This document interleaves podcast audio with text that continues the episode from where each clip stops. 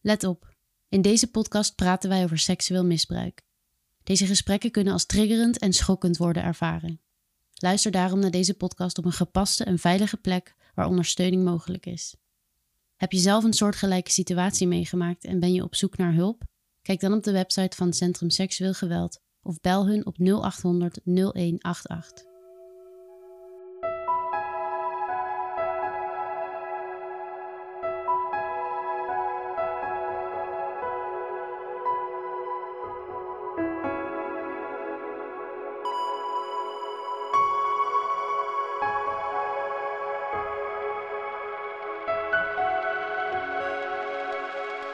Welkom bij de podcast Medusa's Missie. In deze podcast ga ik in gesprek met slachtoffers van seksueel misbruik die hun verhaal met mij willen delen.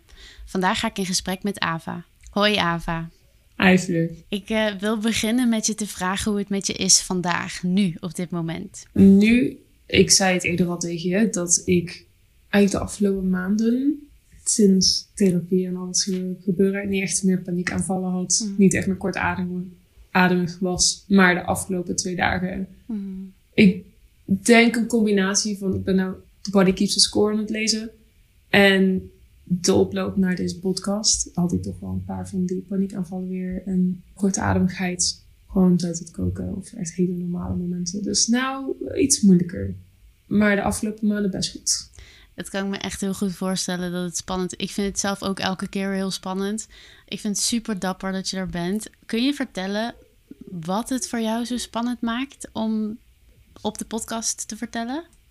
Ik kom hier vooral omdat mijn verhaal, wat ik heb meegemaakt, ik heb daar eigenlijk nooit toen ik daarmee opgroeide en ja, alle dingen die ik meegemaakt, ik heb dat altijd nooit ergens anders in boeken of in muziek of series, weet ik veel wat. Ik, ik heb daar nooit iemand in kunnen vinden die door hetzelfde is gegaan als ik, die hetzelfde is meegegaan als ik. Dus ik, dat is voor mij het allerbelangrijkste, waarom ik hier überhaupt ben. Maar wat het zo moeilijk maakt, is juist precies hetzelfde. Mm. Omdat het zo persoonlijk is. Bij mij heeft het met familie te maken.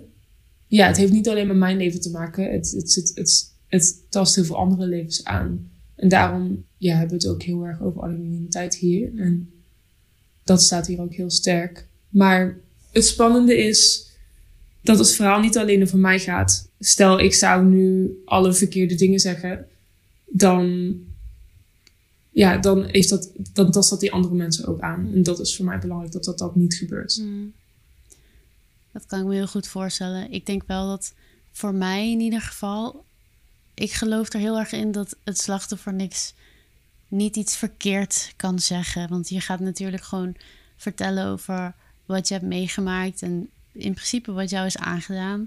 En ik kan me voorstellen dat het voor jou voelt alsof je iets fout kan zeggen of de anders reputatie kan schaden of dat soort dingen. Maar jouw waarheid is jouw waarheid en die staat als een paal boven water. En ik vind het zo knap dat je, dat je het wil vertellen, ondanks dat je het zo spannend vindt. En ik beloof je dat we er echt heel zorgvuldig mee om zullen gaan.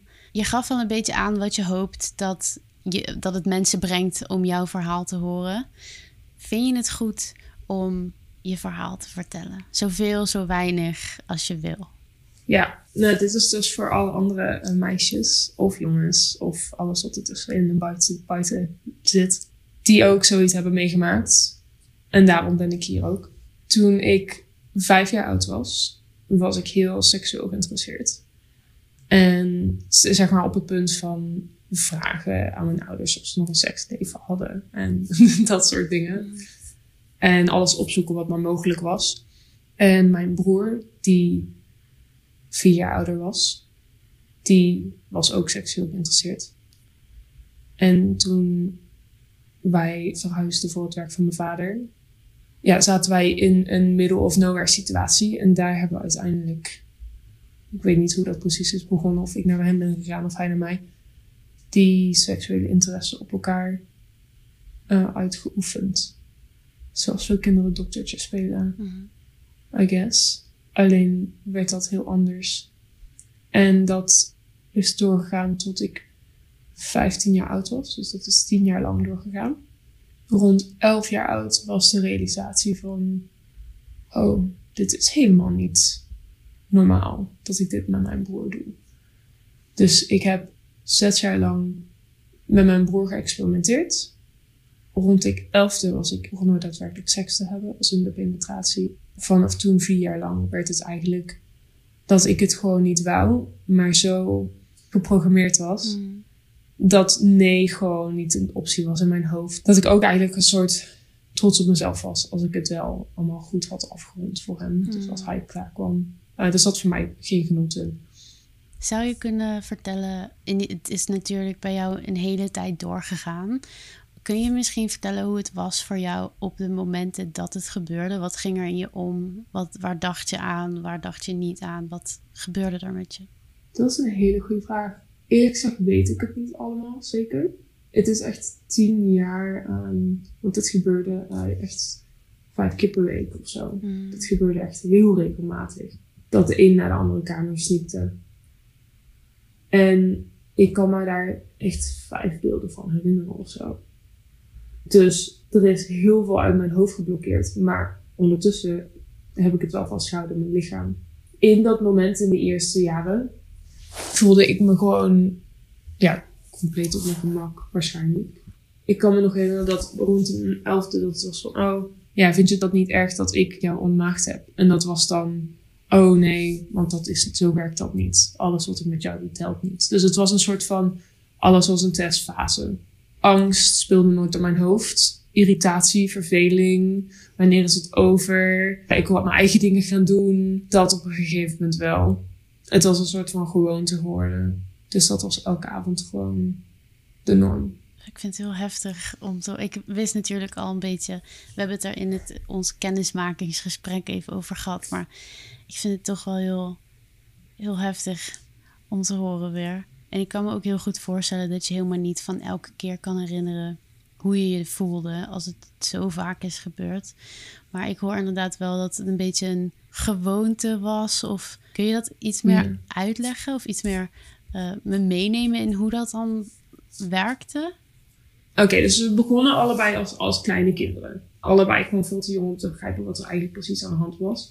Stel je begint als kind af aan, weet ik veel, snoep te eten, dan is snoep eten hartstikke normaal, toch? Eet zoveel snoep tot je binnenkort en je geeft uiteindelijk over. Stel je doet dat al van heel jongs af aan, dan doe je nog steeds als je oud bent, want dat is gewoon normaal. Dat is je gewoonte en je eet gewoon zoveel snoep totdat je overgeeft.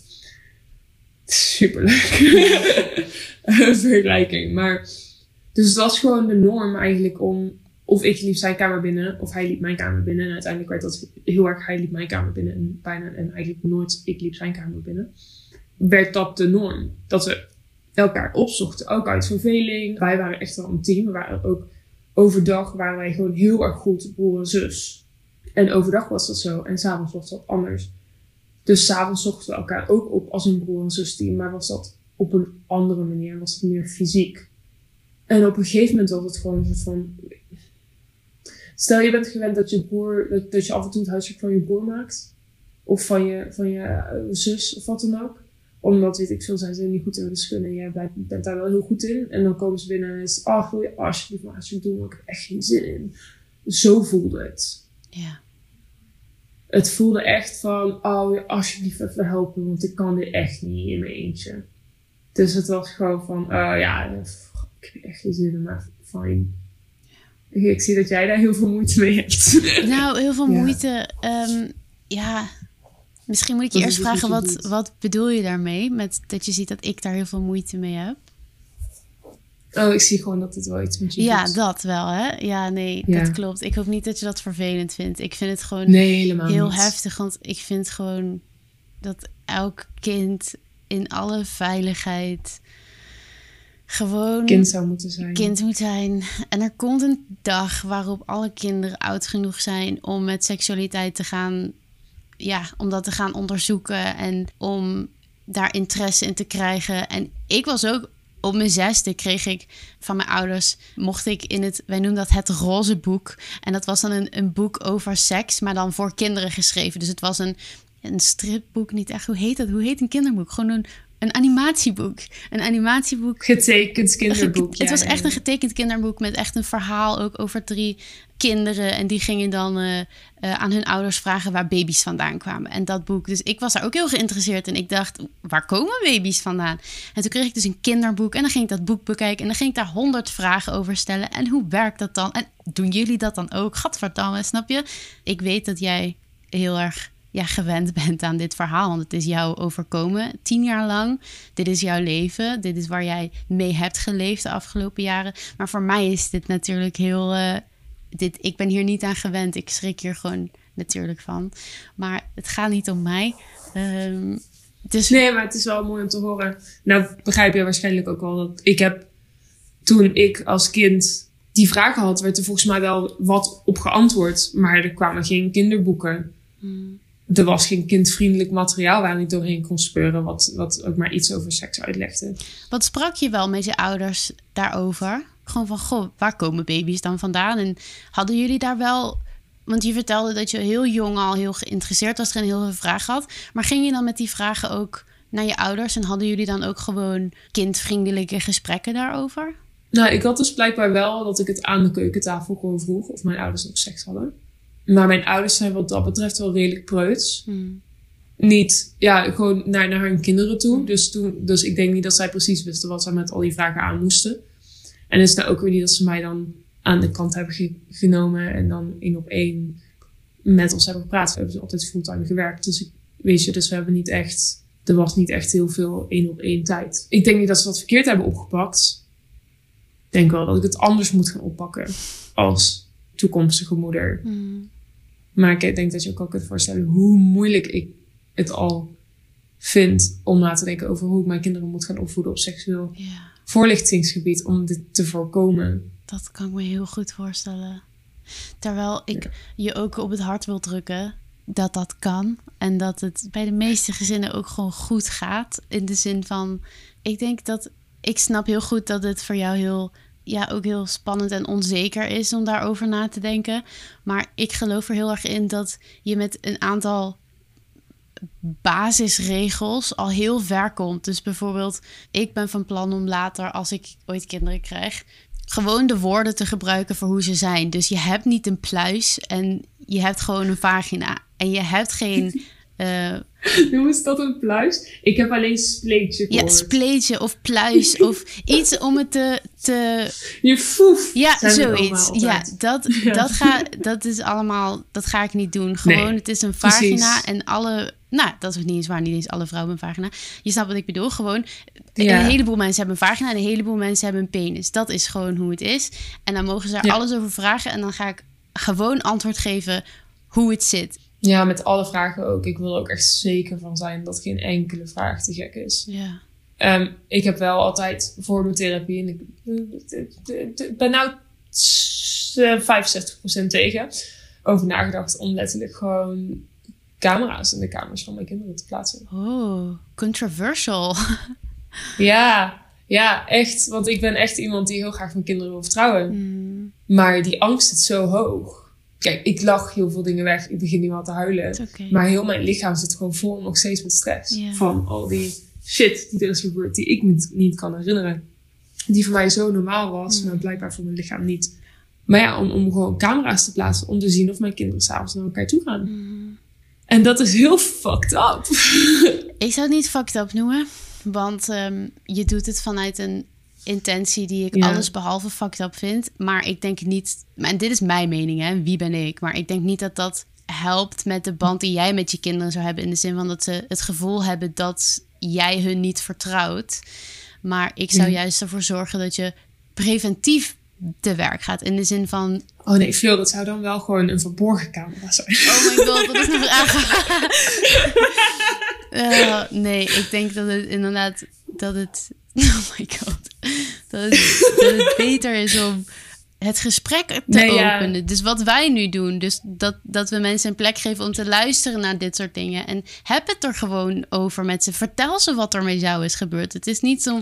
Maar dat kan dus niet. Kijk, bij mij is het mijn broer. Mhm. Als ik mijn kinderen ga vertellen dat mijn broer en ik. dat dat allemaal is gebeurd. dan is het de oom. Mhm. Heel veel mensen in de familie weten het niet. Ik heb het pas mijn ouders verteld toen ik compleet was ingestort. Echt na, na een maand van complete instorting, dat ik het echt niet meer zelf door kon. Mhm. heb ik het pas aan mijn ouders verteld. En die wist het gewoon echt niet. Dus het is niet dat ik het gewoon. Ik kan het ook niet aan mijn kinderen vertellen. Mijn partner weet het. Maar ik kan het niet aan mijn kinderen vertellen. Ja, ik vind het wel heftig om te horen, omdat ik heel erg een voorstander ben van het is jouw verhaal en jij hebt alle recht om het verhaal te delen. En je hebt zelfs het recht om het van het dak te schreeuwen als je dat zou willen. En het is natuurlijk voor mij heel anders, omdat het voor mij niet iemand was met wie ik enige rekening hoef te houden. Waar ik ook geen enkele band mee heb. En dat is voor jou totaal anders. Maar ik, ik gun het je zo om gewoon vrij te zijn in je verhaal. En geen rekening te hoeven houden met wie dan ook. Want het is jouw verhaal, het is jou aangedaan. Jij moet de baas zijn over dit verhaal. Niemand mag jou meer vertellen wat je wel en niet hierover mag vertellen. Dit is jouw verhaal. Snap je wat Ja. ik bedoel? Dat snap ik, maar dat is, dat is iets, denk ik, dat je dan heel hard gezegd niet kunt begrijpen. Want het is, Nee, klopt. het is zo, ik ben nog steeds, ik heb nog steeds een hele goede band- met mijn broer. Dus eigenlijk een soort van die goede band- die wij altijd overdag hadden, Mm, die hebben wij nog steeds. En we hebben het zeker hierover gehad. Hij heeft nog geen therapie gehad. Maar we hebben het hier wel over gehad. Ja, hij heeft gewoon. De, hij is zeker niet trots van wat hij. eh, van zijn acties, zeg maar. En daar heeft hij heel veel moeite mee. Ik ben heel erg benieuwd hoe dat is voor jou en hoe dat, hoe dat werkt en hoe jullie band er nu uitziet. En misschien ook een beetje hoe dat dan is gegaan sinds je, er je ervan bewust bent geworden wat er gebeurde. En tot op nu zou je iets meer over je, ja, kortom, samenvattend, zou je iets meer over de band met je broer willen vertellen? Ja. Ehm, dus ja, mijn broer en ik hebben altijd een hele goede band gehad. Ook toen ik baby was. Ik was altijd, een- zeg maar, sommige jonge kinderen die kijken naar hun zusje of jonge broertje en denken: ugh, ik wil dat het ding weg is. Mijn broer was altijd heel blij met mij. En ik was altijd heel blij met mijn broer. En we hebben altijd een hele goede band gehad, dus overdag. Mijn broer was wel een beetje lastig. En heel erg actief. Veel broers hebben dat. En dat was af en toe wel gewoon reet irritant.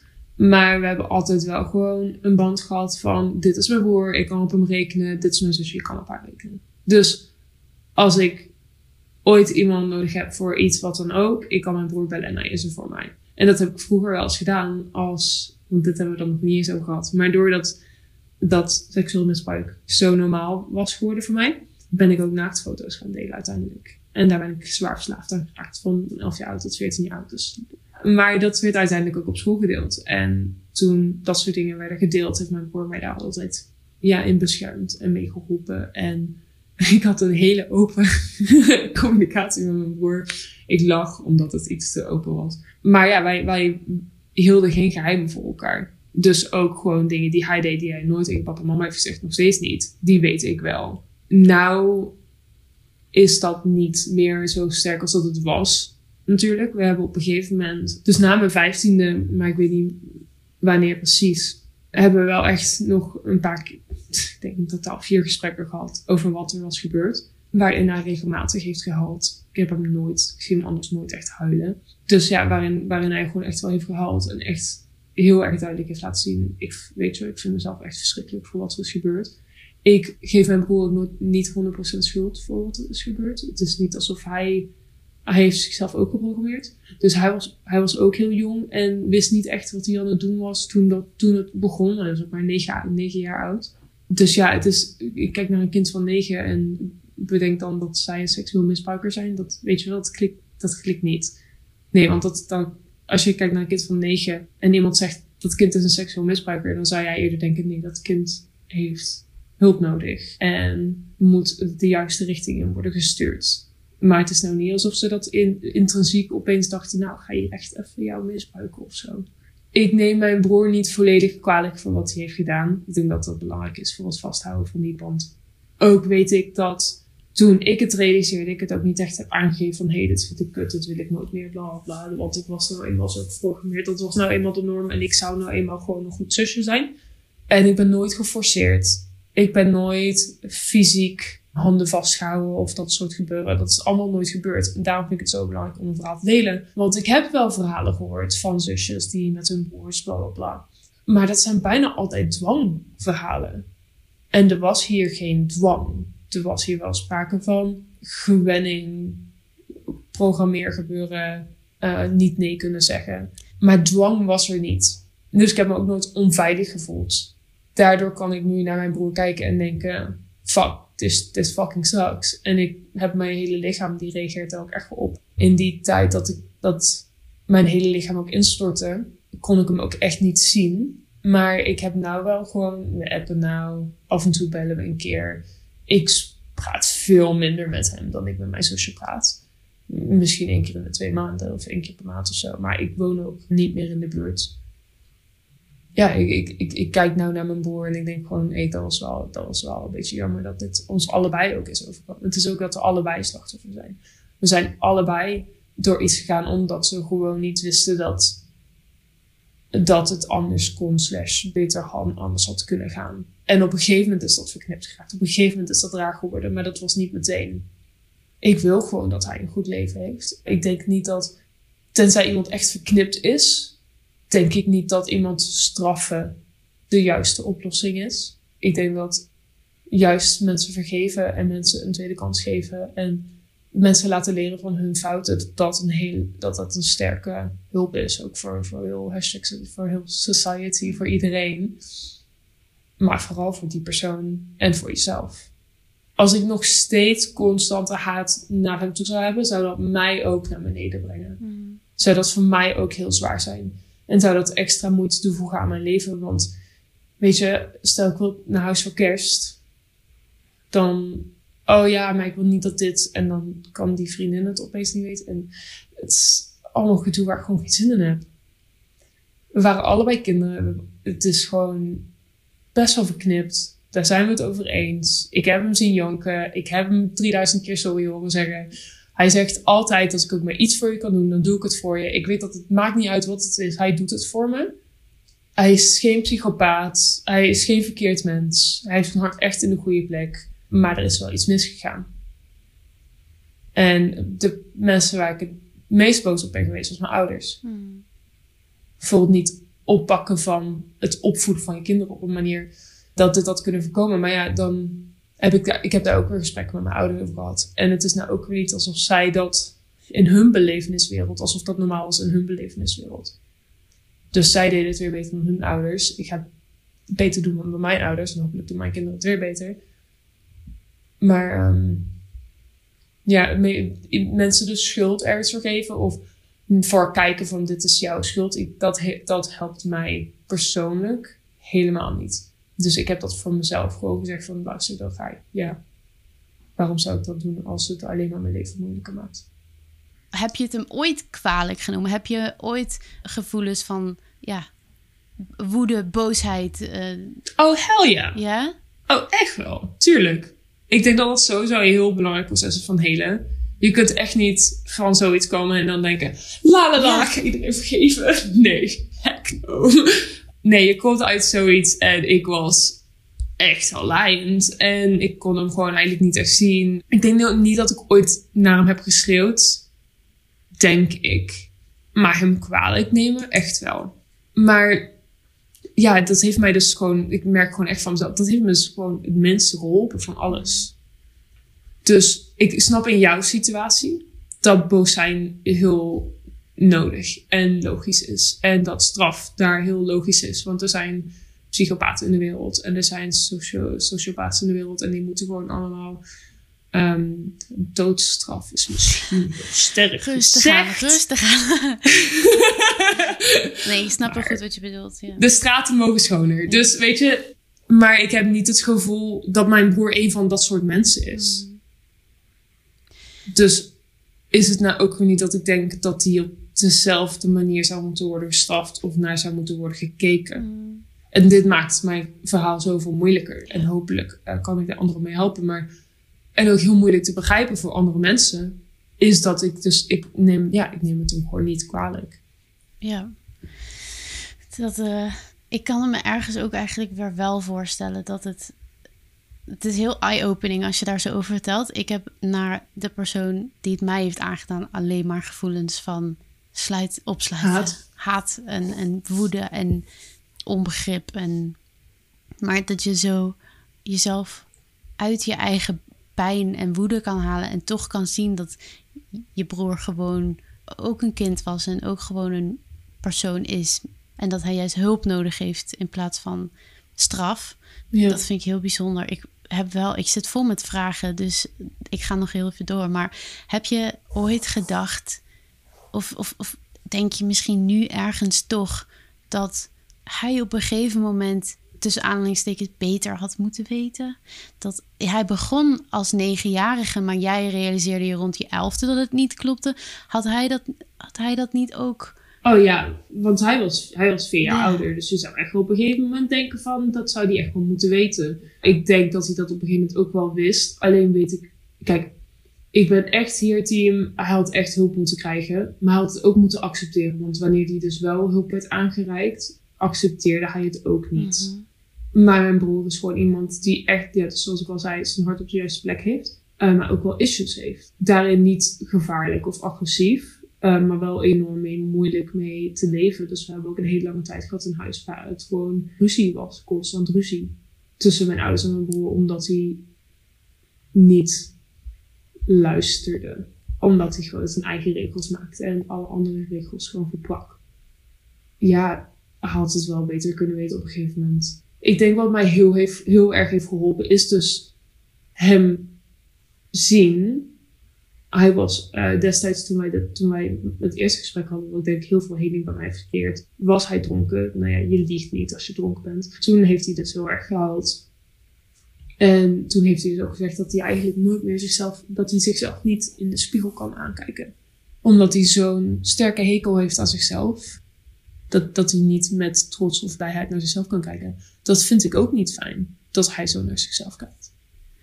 Ik vind het wel. ehm, ja, ik begin dit met ik vind alsof ik eh, reden heb om iets te vinden. Maar ik vraag me heel erg af wat zijn reden is om, om geen hulp te zoeken. Of als hij aangeeft dat hij het zo erg vindt en, en dat hij zichzelf niet meer in de denk- spiegel kan kijken. Waarom dan geen. Als jij hulp zoekt, dan denk je van jezelf dat je de hulp waard bent. We hebben die gesprekken gehad. Hij heeft dus echt wel het gevoel dat hij voorbij hulp is. Ik zou het heel mooi vinden en heel fijn vinden als hij die hulp wel zou Ja. opzoeken en zou krijgen. Ik denk dat een ander deel ook is de. En dit is. Ik zei al eerder eenmaal in het begin dat ik de Body Keeps the Score aan het lezen ben. En je brein slijt, eh, slaat trauma op zo'n bepaalde manier op. Dat het dus heel moeilijk is om die schaamte te overkomen.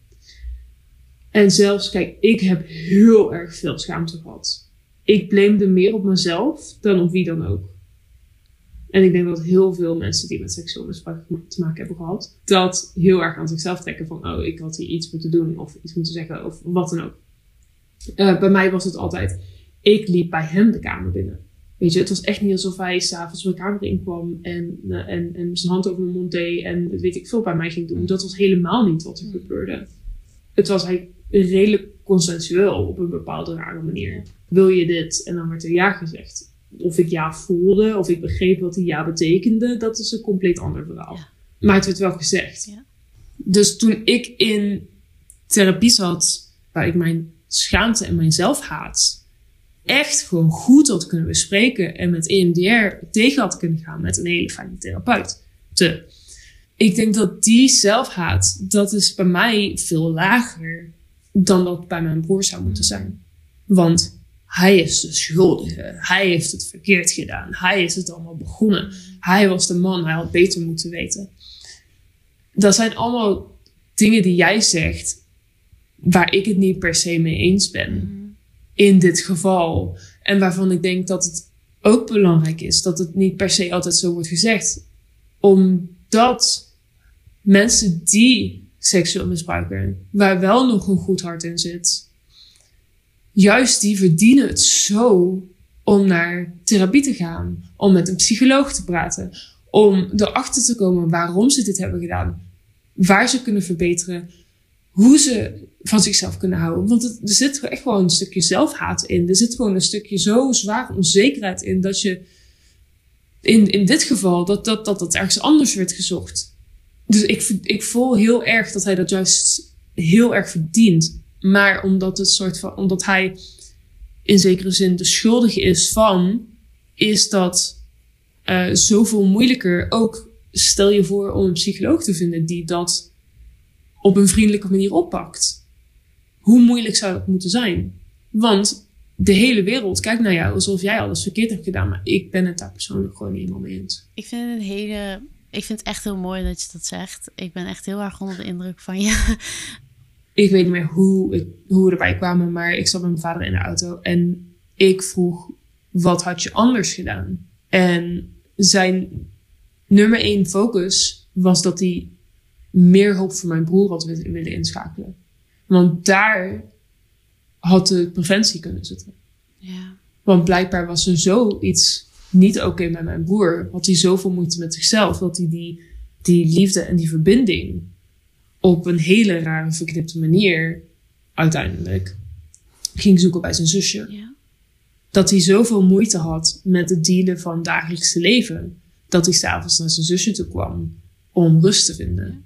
Al had hij een vriendin het was wel heel mooi voor mij, voor mij om te horen dat mijn ouders daar een soort van ook mee eens zijn. Van oké, je kunt zoveel preventief werk doen als je maar op tijd iemand helpt waar, zij, waar je ziet dat zij misschien toch wel hulp nodig hebben. Hmm. Iemand die een moeite heeft met bepaalde dingen of wat dan ook. Of, of die verbindenis moeilijk aangaat. Of gewoon relatief moeilijk is in het algemeen daar hebben mijn ouders blijkbaar, of dat weet ik van mijn vader, van mijn moeder weet ik niet, maar van mijn, heeft mijn vader blijkbaar, heeft, daar voelt hij het meeste spijt van. En dat staat volledig los van ze voelen zich compleet verschrikkelijk naar mij toe ook. En uh, mijn vader heeft mij ook heel veel geholpen door therapie en mijn moeder ook. Ze waren allebei enorm voor mij en ik ben enorm trots op ze. Hoe open we deze gesprekken hebben kunnen hebben. Want toen ik ze dus voor de eerste keer vertelde: hé, hey, pap, mam, dit was er allemaal aan de hand. Ik had het echt wel heel meest van mijn schuldwijzende vingers, die zijn er heel veel geweest in mijn proces, waren toen aan mijn ouders toegericht. Hoe kon je dit niet weten? Hoe kon je dit niet hebben gezien? Dit wist je vast wel, maar je keek gewoon weg. Mhm. Ik heb dat soort dingen letterlijk tegen ze gezegd. Jeetje. Dat moet als ouder ook heel zwaar zijn geweest. Maar ik begrijp je wel heel goed. Ik begrijp wel dat dat Een logische gedachtegang. is. Een, in de zin van een kind hoort beschermd te worden door hun ouders, toch? Dat is een algemeen gegeven. Je hoort je veilig te voelen. En ik weet dat het voor heel veel mensen niet zo is, maar je hoort je veilig te voelen in het huis van je ouders. Ik heb me altijd veilig gevoeld bij mijn ouders, snap je? Dus ik kan Ja. me heel goed voorstellen dat een verwijt is geweest van hoe kon je het niet zien? Hoe kon je mij niet veilig houden? Snap je wat ik bedoel? Ja. Ja. En dat verwijt is er zeker geweest. En sterk ook. Hoe reageerde zij daarop? Oh, heel defensive. Oh joh. Heel erg. Ja, ja, ja. Het, het heeft mijn ouders heel lang geduurd om ook maar één zinnetje van dit was misschien ook al onze schuld Oh joh. eh, eruit te gooien. Ja. Als in, maar we hebben ons best gedaan. Hoe hadden we dit kunnen weten? Tuurlijk hebben we dat niet gezien. Maar het was ook zo stilletjes. Oh jeetje, oh Eh, man. ja, Oké. ja, dat, dat heel erg. En daar heb ik heel veel moeite mee gehad. En ik heb nou een soort van acceptatie van: oké, sommige hele fijne zinnen zijn uit mijn ouders mon- mon- monden gekomen. Waarbij ik hun meer begrijp. Maar ik denk dat ik verder ben in mijn ontwikkeling hierin dan hun. Ja. Ik denk dat het voor mijn ouders heel moeilijk was om een deel van hun schuld te accepteren. En ik denk dat dat nog steeds heel moeilijk voor ze is. Toen ik nog aan het wachten was op professionele hulp, was er iemand die wel wist wat er was gebeurd. En die ook met mij en mijn vader, vooral met mijn vader was vooral met mij als ik naar afspraken ging.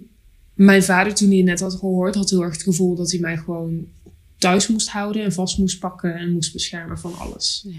Mijn ouders zijn heel beschermend en hele lieve ouders doen alles voor me.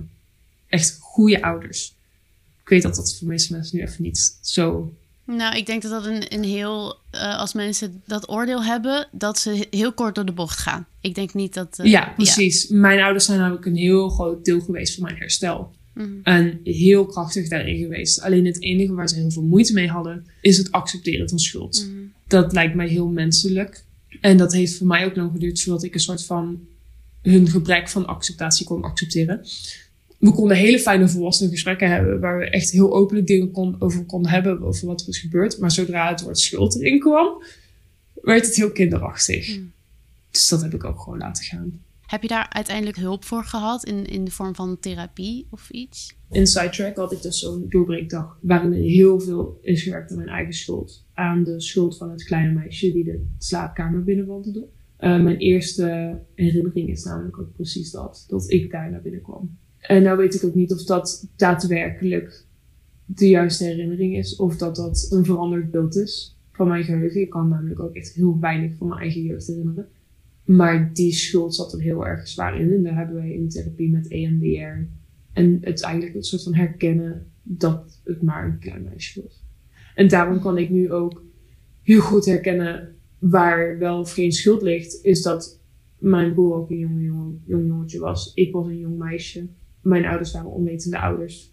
Weet je wel, zo kun je, zo kun je eigenlijk al, al, alle, alles waar je heel graag gewoon schuld. En dat is die persoon schuld. Dat is mijn schuld heel sterk kun je eigenlijk gewoon kijken van oké, maar wat was nou echt de situatie? En toen we daarna keken en daarmee aan de slag gingen, dat heeft uiteindelijk wel voor doorbraak gebracht. We moesten ook bij Sidetrack moesten ook foto's meenemen. Mm. En allerlei dingen die triggers opbrachten. Bij mij was dat eigenlijk gewoon al mijn jeugdfoto's. Vanaf vijf jaar oud tot vijftien. Ik heb ook echt gewoon dat ik naar mezelf terugkijk in godverdomme. Ik heb dagboeken waar ik naar terugkijk. Ik weet niet of de, misschien kun je me hiermee helpen. Ik weet niet of elke beginnende tiener dit doet, maar dat je in een dagboek schrijft en een soort van gewoon een compleet raar verknipt verhaal, wat helemaal niet is wie je echt bent, opschrijft. Alleen maar om anders te lijken naar jezelf in de toekomst of naar wie het dan ook een keer zou lezen. Of dat ik, ik heb letterlijk mijn eigen dagboeken teruggelezen en dat ik gewoon niet twee lijnen verder kon komen, omdat ik zo walgde van wie ik was. Als je zegt dat je walgde van wie je was, was dat voor jouw gevoel echt gelinkt aan het trauma wat je had meegemaakt? Ja, want ik walgde vooral van de trots. Dus ik, dus ik heb wel heel kort over gehad dat ik dus die naaktfoto's in ben gegaan. En ik ben uiteindelijk ook door heel veel meer jongens misbruikt die niet echt per se wisten dat ze mij misbruikten. Dat zodra het eigenlijk redelijk duidelijk is dat een meisje geen seks wil, dat het eigenlijk gewoon verkrachting is. Dus als we ze zo naar kijken, dan ben ik ook echt heel erg regelmatig daarna verkracht. Allemaal situaties waar ik mezelf met trots in heb gezet. En daar komt dat stukje programmering ook weer terug. Ik had dus heel lang een hele grote hekel en nog steeds wel moeite na het kijken naar Ava, die zo geprogrammeerd was. Je zei net um, iets heel belangrijks. Dat het inderdaad verkrachting is op het moment dat iemand het niet wil. En ook als dat. Ik ga ervan uit dat het altijd duidelijk is. Hè? Je voelt dat gewoon, sorry dat ik het zeg. Je voelt als iemand niet 100% instemt. Ook als ze ja zegt, je voelt het toch wel. Dus als wij dat dan, eh, als je dat verkrachting zou noemen, dan ben ik dan meer dan, door meer dan twintig verschillende jongens uiteindelijk verkracht. En dat zijn allemaal situaties waar ik mezelf in heb gebracht. Dat zijn allemaal situaties waarvan ik zei, hé, hey, dit ga ik gewoon leuk doen. Haha, ik ga andere jongens blij maken. En de laatste keer dat dat was gebeurd, was nadat ik het mijn ouders had verteld. Nadat het uit was met mijn ex. Gewoon heel mijn leven eh, stond op storten. En de jongen waarmee dat was gebeurd, die probeerde daarna nog allemaal naar mij te appen en vrienden met mij te maken. Want die bleek dus gewoon wel echt een oogje op mij te hebben. Maar ik heb mezelf toen letterlijk laten verkrachten. Omdat, ik, omdat dat veiliger en meer vertrouwd voelde dan grenzen aangeven. Omdat er bij mij zo'n gewenning in zat. Dat zelfs op het punt waarbij ik zo bewust was van dat ik hieruit kon stappen. Dat het voor mij veiliger voelde om dit te blijven doen. Dat, dat Mhm. boundaries zetten, dus nee leren zeggen, was, was een van de moeilijkste dingen die ik ooit heb gedaan. Nee zeggen, stoppen. En dan heb ik zelfs met mijn huidige partner, waarmee ik gewoon, dit is hem, zeg maar. Hebben wij daar heel lang aan moeten werken. Omdat ik zelfs daar mijn eigen grenzen ben overgaan. Ja. Dus ik zeg, ik heb mezelf laten verkrachten. Die jongen dacht daadwerkelijk dat wij een hele leuke avond hadden. En ik heb dat ook, ik heb dat toneelspel opgezet. Omdat het voor mij normaler was om dat maar over me heen te laten gaan. Hmm. Dan om te zeggen, oh nee, dit wil ik eigenlijk helemaal niet. Dit is ook in dat, in het boek dat ik aan het lezen ben, The Body Keeps the Score. Er is ook een Nederlandse versie van, dus dat is wel goed om te weten voor de mensen die niet in het Engels willen lezen. heeft hij het over een muizenstudie. Vind ik echt verschrikkelijk. Maar oké. Een muizenstudie waarbij ze twee verschillende muizenfamilies hebben. De ene muizen groeien op een heel warm nest waar altijd eten is, nooit schaarste, lieve ouders, bla bla bla. De andere muizen groeien op zonder ouders, etenschaarste, super koud, gevaarlijk. Echt gewoon een fijn huis. Die muizen worden uit het nest ergens anders neergezet, maar nog steeds gewoon weer terug naar hun huis. De muizen die in het warme nest opgroeiden, krijgen één luid geluid te horen en rennen meteen terug naar huis.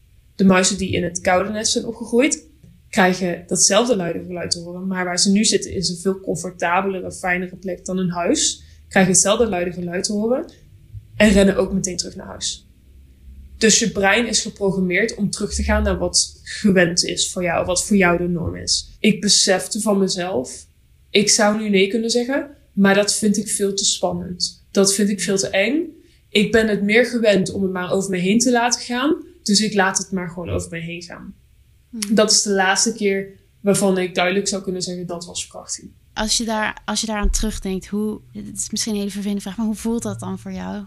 Als je heel eerlijk daarnaar kijkt, hoe kijk je daar dan op terug? Dat dat is wat je dacht dat je moest doen, dat dat veiliger was? Ik voel me nu heel trots op mezelf, dat ik nu ben waar ik nu ben. Ik heb nu voor mezelf zo een leven opgezet dat mijn seksuele beslissingen echt mijn seksuele beslissingen zijn. Als in de nee is een vetorecht. Niet de ja. Als ik zeg ja, dan is het nee, dan is het nee. Ik heb daar heel erg naar moeten bouwen. Dus ik kijk daarnaar terug en ik denk, oké, dat is de laatste keer. En er zijn daarna echt nog wel momenten geweest waarop ik het gewoon niet heb gezegd. Want dan hebben wel mijn partners daarna hebben het altijd opgepikt. Maar dat was de laatste keer dat ik echt die beslissing heb gemaakt van oké, ik laat het nu over me heen wassen. Ik ben heel trots op mezelf dat ik zo ver ben gekomen dat ik daar nu naar terugkijk als iets wat echt in het verleden is. En waarvoor ik me echt heel kut voor mezelf voel dat dat is gebeurd. Dat ik dat meer als de norm zag. Dat dat niet meer gaat gebeuren. Ja, ik krijg een beetje traantjes. Dat is gewoon echt heel bizar eigenlijk. Omdat dat grenzen zetten was echt niet de norm. En dat is nu mijn norm. Het is nu, oh, dat wil ik niet. Nee, dat voelt niet fijn doe maar even iets anders, weet ik van wat. Ik, maar ik ben echt nou gewoon hard in mijn communicatie. Dat is niet altijd even gewaardeerd, maar ik ben zo fucking trots op mezelf. Dat ik nou hard ben in mijn communicatie in plaats van zacht. In plaats van over, oh sorry dat ik je gevoelens kwets of zo. Want ik wil gewoon niet meer dat mijn gevoelens gekwetst worden. Fuck it. Ik heb genoeg mijn gevoelens laten kwetsen. Ik heb genoeg, mensen hebben genoeg mijn gevoelens gekwetst. Er is genoeg over me heen gewandeld dat is allemaal in het verleden. Ik ga lekker mijn toekomst pakken op mijn manier. Heb ik daar nog steeds moeite mee? Hekjes. Gaat het al ooit een keer makkelijker worden? Ja, het wordt elk jaar weer makkelijker. Maar ik kan eindelijk terugkijken en zeggen: Oké, dat was de laatste keer. Ik heb grenzen. Ik heb seks met wie ik wil, wanneer ik wil, hoe ik wil. En hoe die ander het wilt. En, en ik haal daar echt daadwerkelijk plezier uit. Ik heb gewoon ook seks gehad met nieuwe mensen. Ik heb een open seksrelatie met nieuwe mensen, waarbij je dus echt wel flashback. Fysieke, ik krijg geen mentale flashback, ik krijg fysieke flashback. Dus waarbij ik gewoon weer helemaal verstijfd lig. En dan zeg ik dus gewoon stop. En dat was echt niet mogelijk. Dus ik kan nou gewoon stop zeggen. Ja. Ik zit vol trots en bewondering naar je te luisteren. Ik krijg een wel. Ik vind het zo fijn om te horen. Dit is wat je iedereen gunt. Die dat, ik denk dat het een, bijna een gegeven is dat mensen die seksueel misbruik meemaken, daarna moeite hebben met grenzen aangeven en daarna een verstoord seksleven hebben. Uh, wat hun eigenlijk wordt slachtoffers een beetje het plezier aan seks ontnomen. Ik heb ook het gevoel dat als je een soort van slachtoffer bent van seksueel misbruik, dat het dan ook een soort van taboe is dat je ooit weer een, een goed seksleven mm. hebt. Stel je zou dan weer gewoon promiscueus, of hoe je dat ook in het Nederlands noemt, mm. een losbandig seksleven hebben, dat er dan naar je wordt gekeken van, oh ja, maar weet je, dat komt vast daardoor. Ja, dat zij ooit een keer verkracht is of weet ik veel. Toch, oh, het gaat wel nog een keer met haar gebeuren. Nou, ik heb geen medelijden met haar hoor. Of met hem. Of met, weet je ik vind het ook echt heel belangrijk om aan te kaarten dat als jij een seksueel misbruikverleden hebt, dat je echt gewoon een fucking fijn seksleven kunt hebben. Daarna. En dat gaat heel veel moeite kosten. Dan moet je een super geduldige sekspartner of partners of wat ook voor jou fijn is voor vinden. En je moet er echt voor jezelf naar kijken van wat vind ik fijn. En nee durven te zeggen. En dat nee durven te zeggen kwam bij mij gelukkig omdat ik een fijn sekspartner heb. Of een partner in het algemeen in het leven en in seks. Oké, we hebben het ehm, een beetje gehad over Psytrack. Maar ik eh, neem aan dat dat niet het allereerste eh, traject was wat je hebt gevolgd. Hoe is jouw therapie begonnen? Ik denk dat ik rond die 15 of 16 jaar oud was. Dus toen alles misschien net gestopt was. Had ik wel door dat ik iets van hulp nodig had. Om omdat het gewoon helemaal overweldigend was. Ik wou gewoon met iemand kunnen praten over wat er aan de hand was. Ik kon het namelijk niet aan mijn vriendinnen vertellen. Ik kon er niet... Met mijn broer kon er niet over praten, want dat, dat deden we gewoon niet. Met mijn ouders kon ik het niet over hebben, want ik wou hun beschermen of zo. Dat heb ik uiteindelijk mijn moeder verteld. Dat omdat ik zoveel vriendjes had, dat er vast wel iets mis was of zo. En dat ik graag een therapeut wou zien. En mijn moeder had echt iets van, waar heb je het nou over? Hmm. Weet je wel? Hoezo heb jij een therapeut nodig? Maar prima, als jij denkt dat je dat nodig hebt, dan ga er maar voor.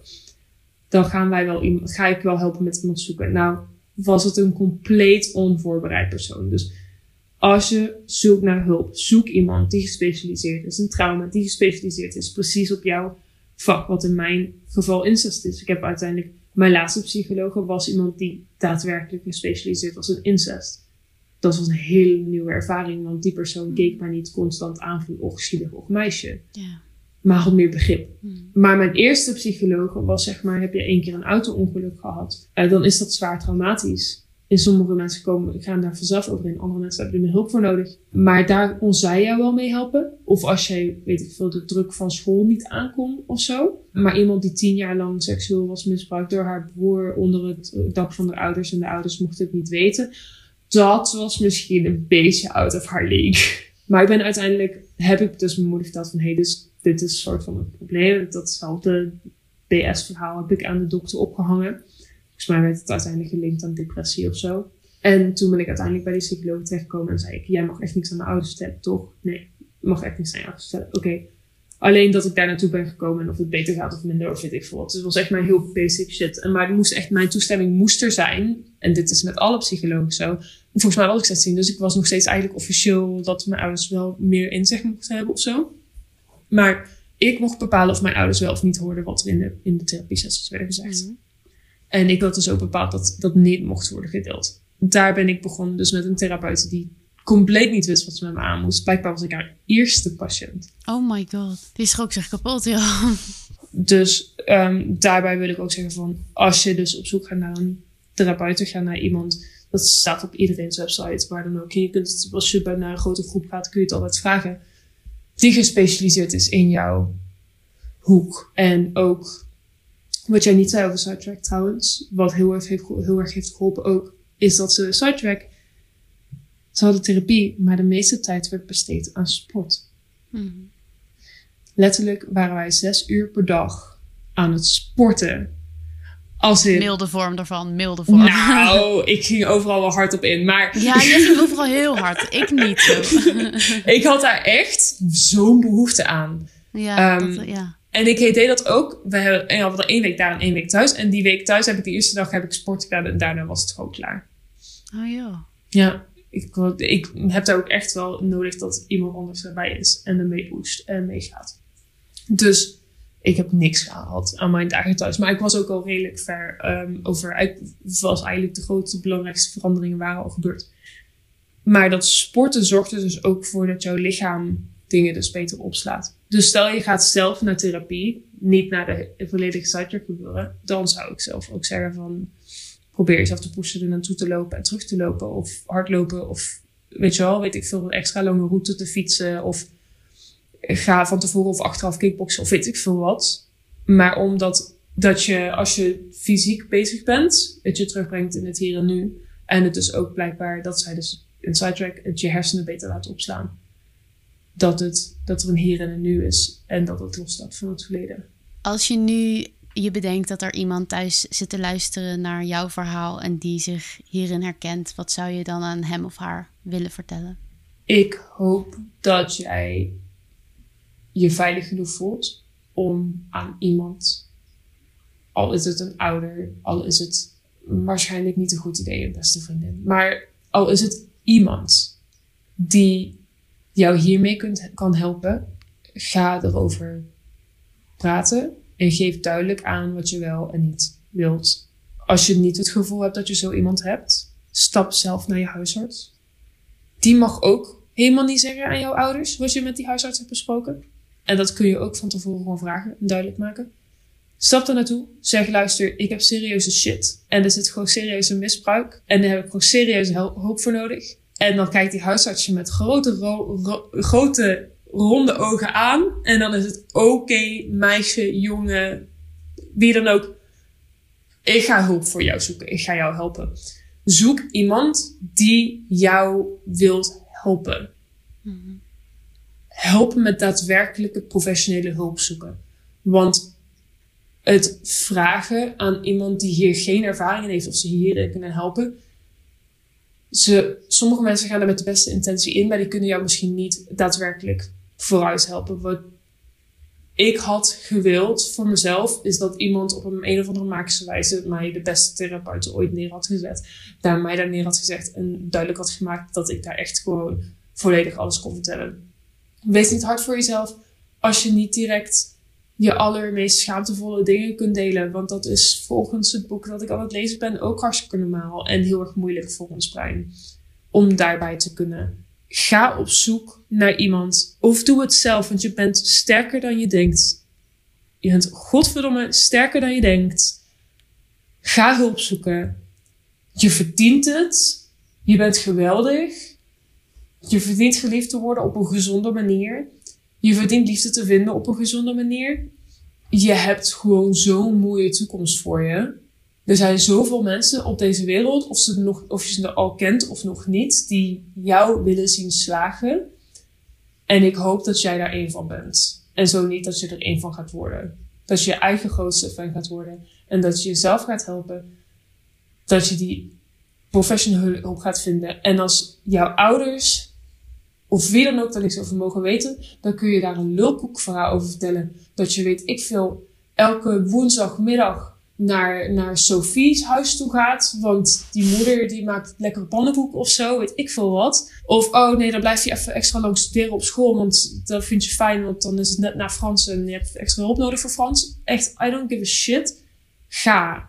Want jij krijgt letterlijk gewoon, als je door de huisarts doorverwezen wordt, krijg je gratis mentale gezondheidshulp.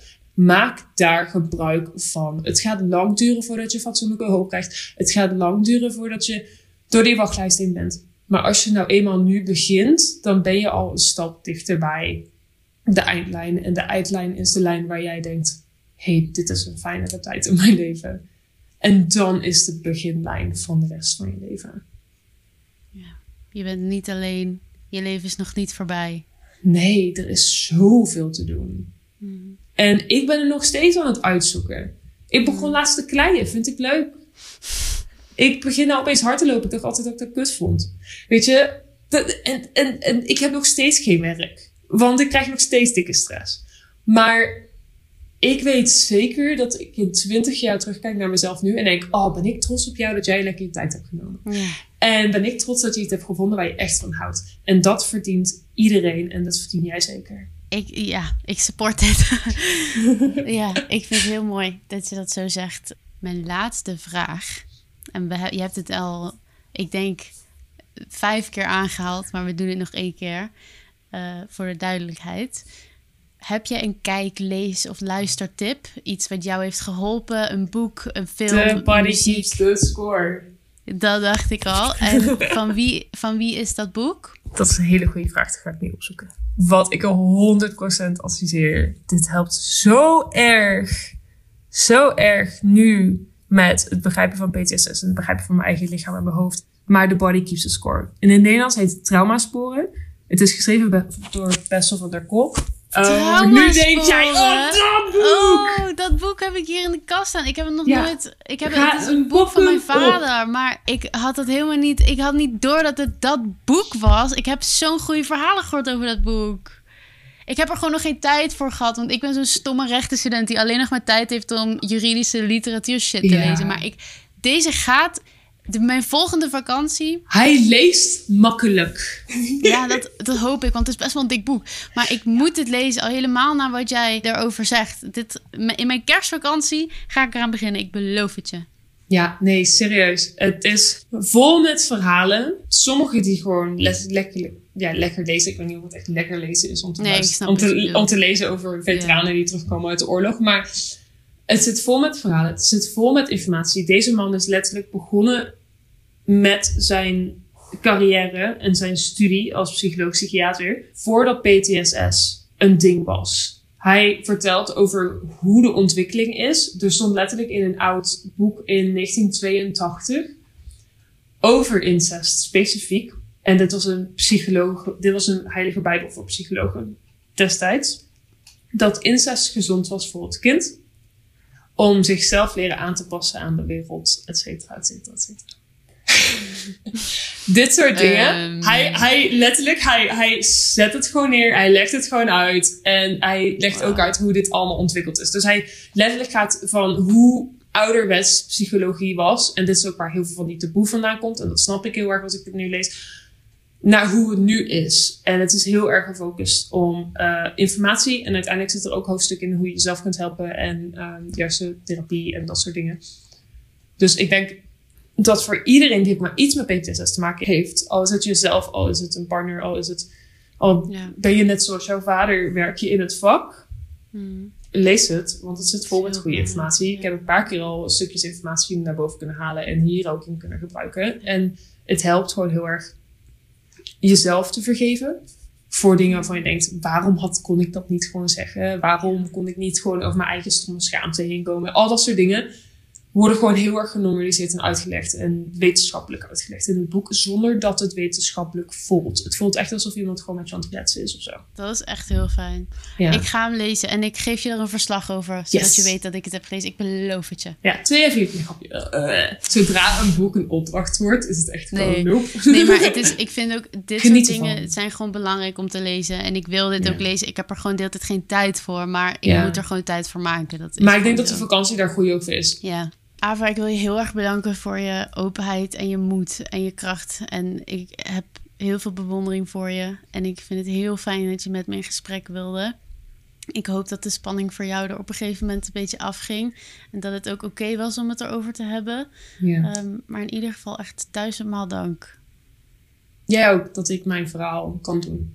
Op een manier dat het, eh, dat het anderen kan helpen zonder dat het mij tegen zit. Ja, ja. En dat hoop, dat is, dat is de goal. En ik denk, ik weet zeker dat dat goed komt. Ik weet zeker dat dat goed komt. Want je hebt mij al geholpen. Dus dat... eh, mission accomplished. Andere mensen zien het niet, maar ik zit met handen over mijn hart.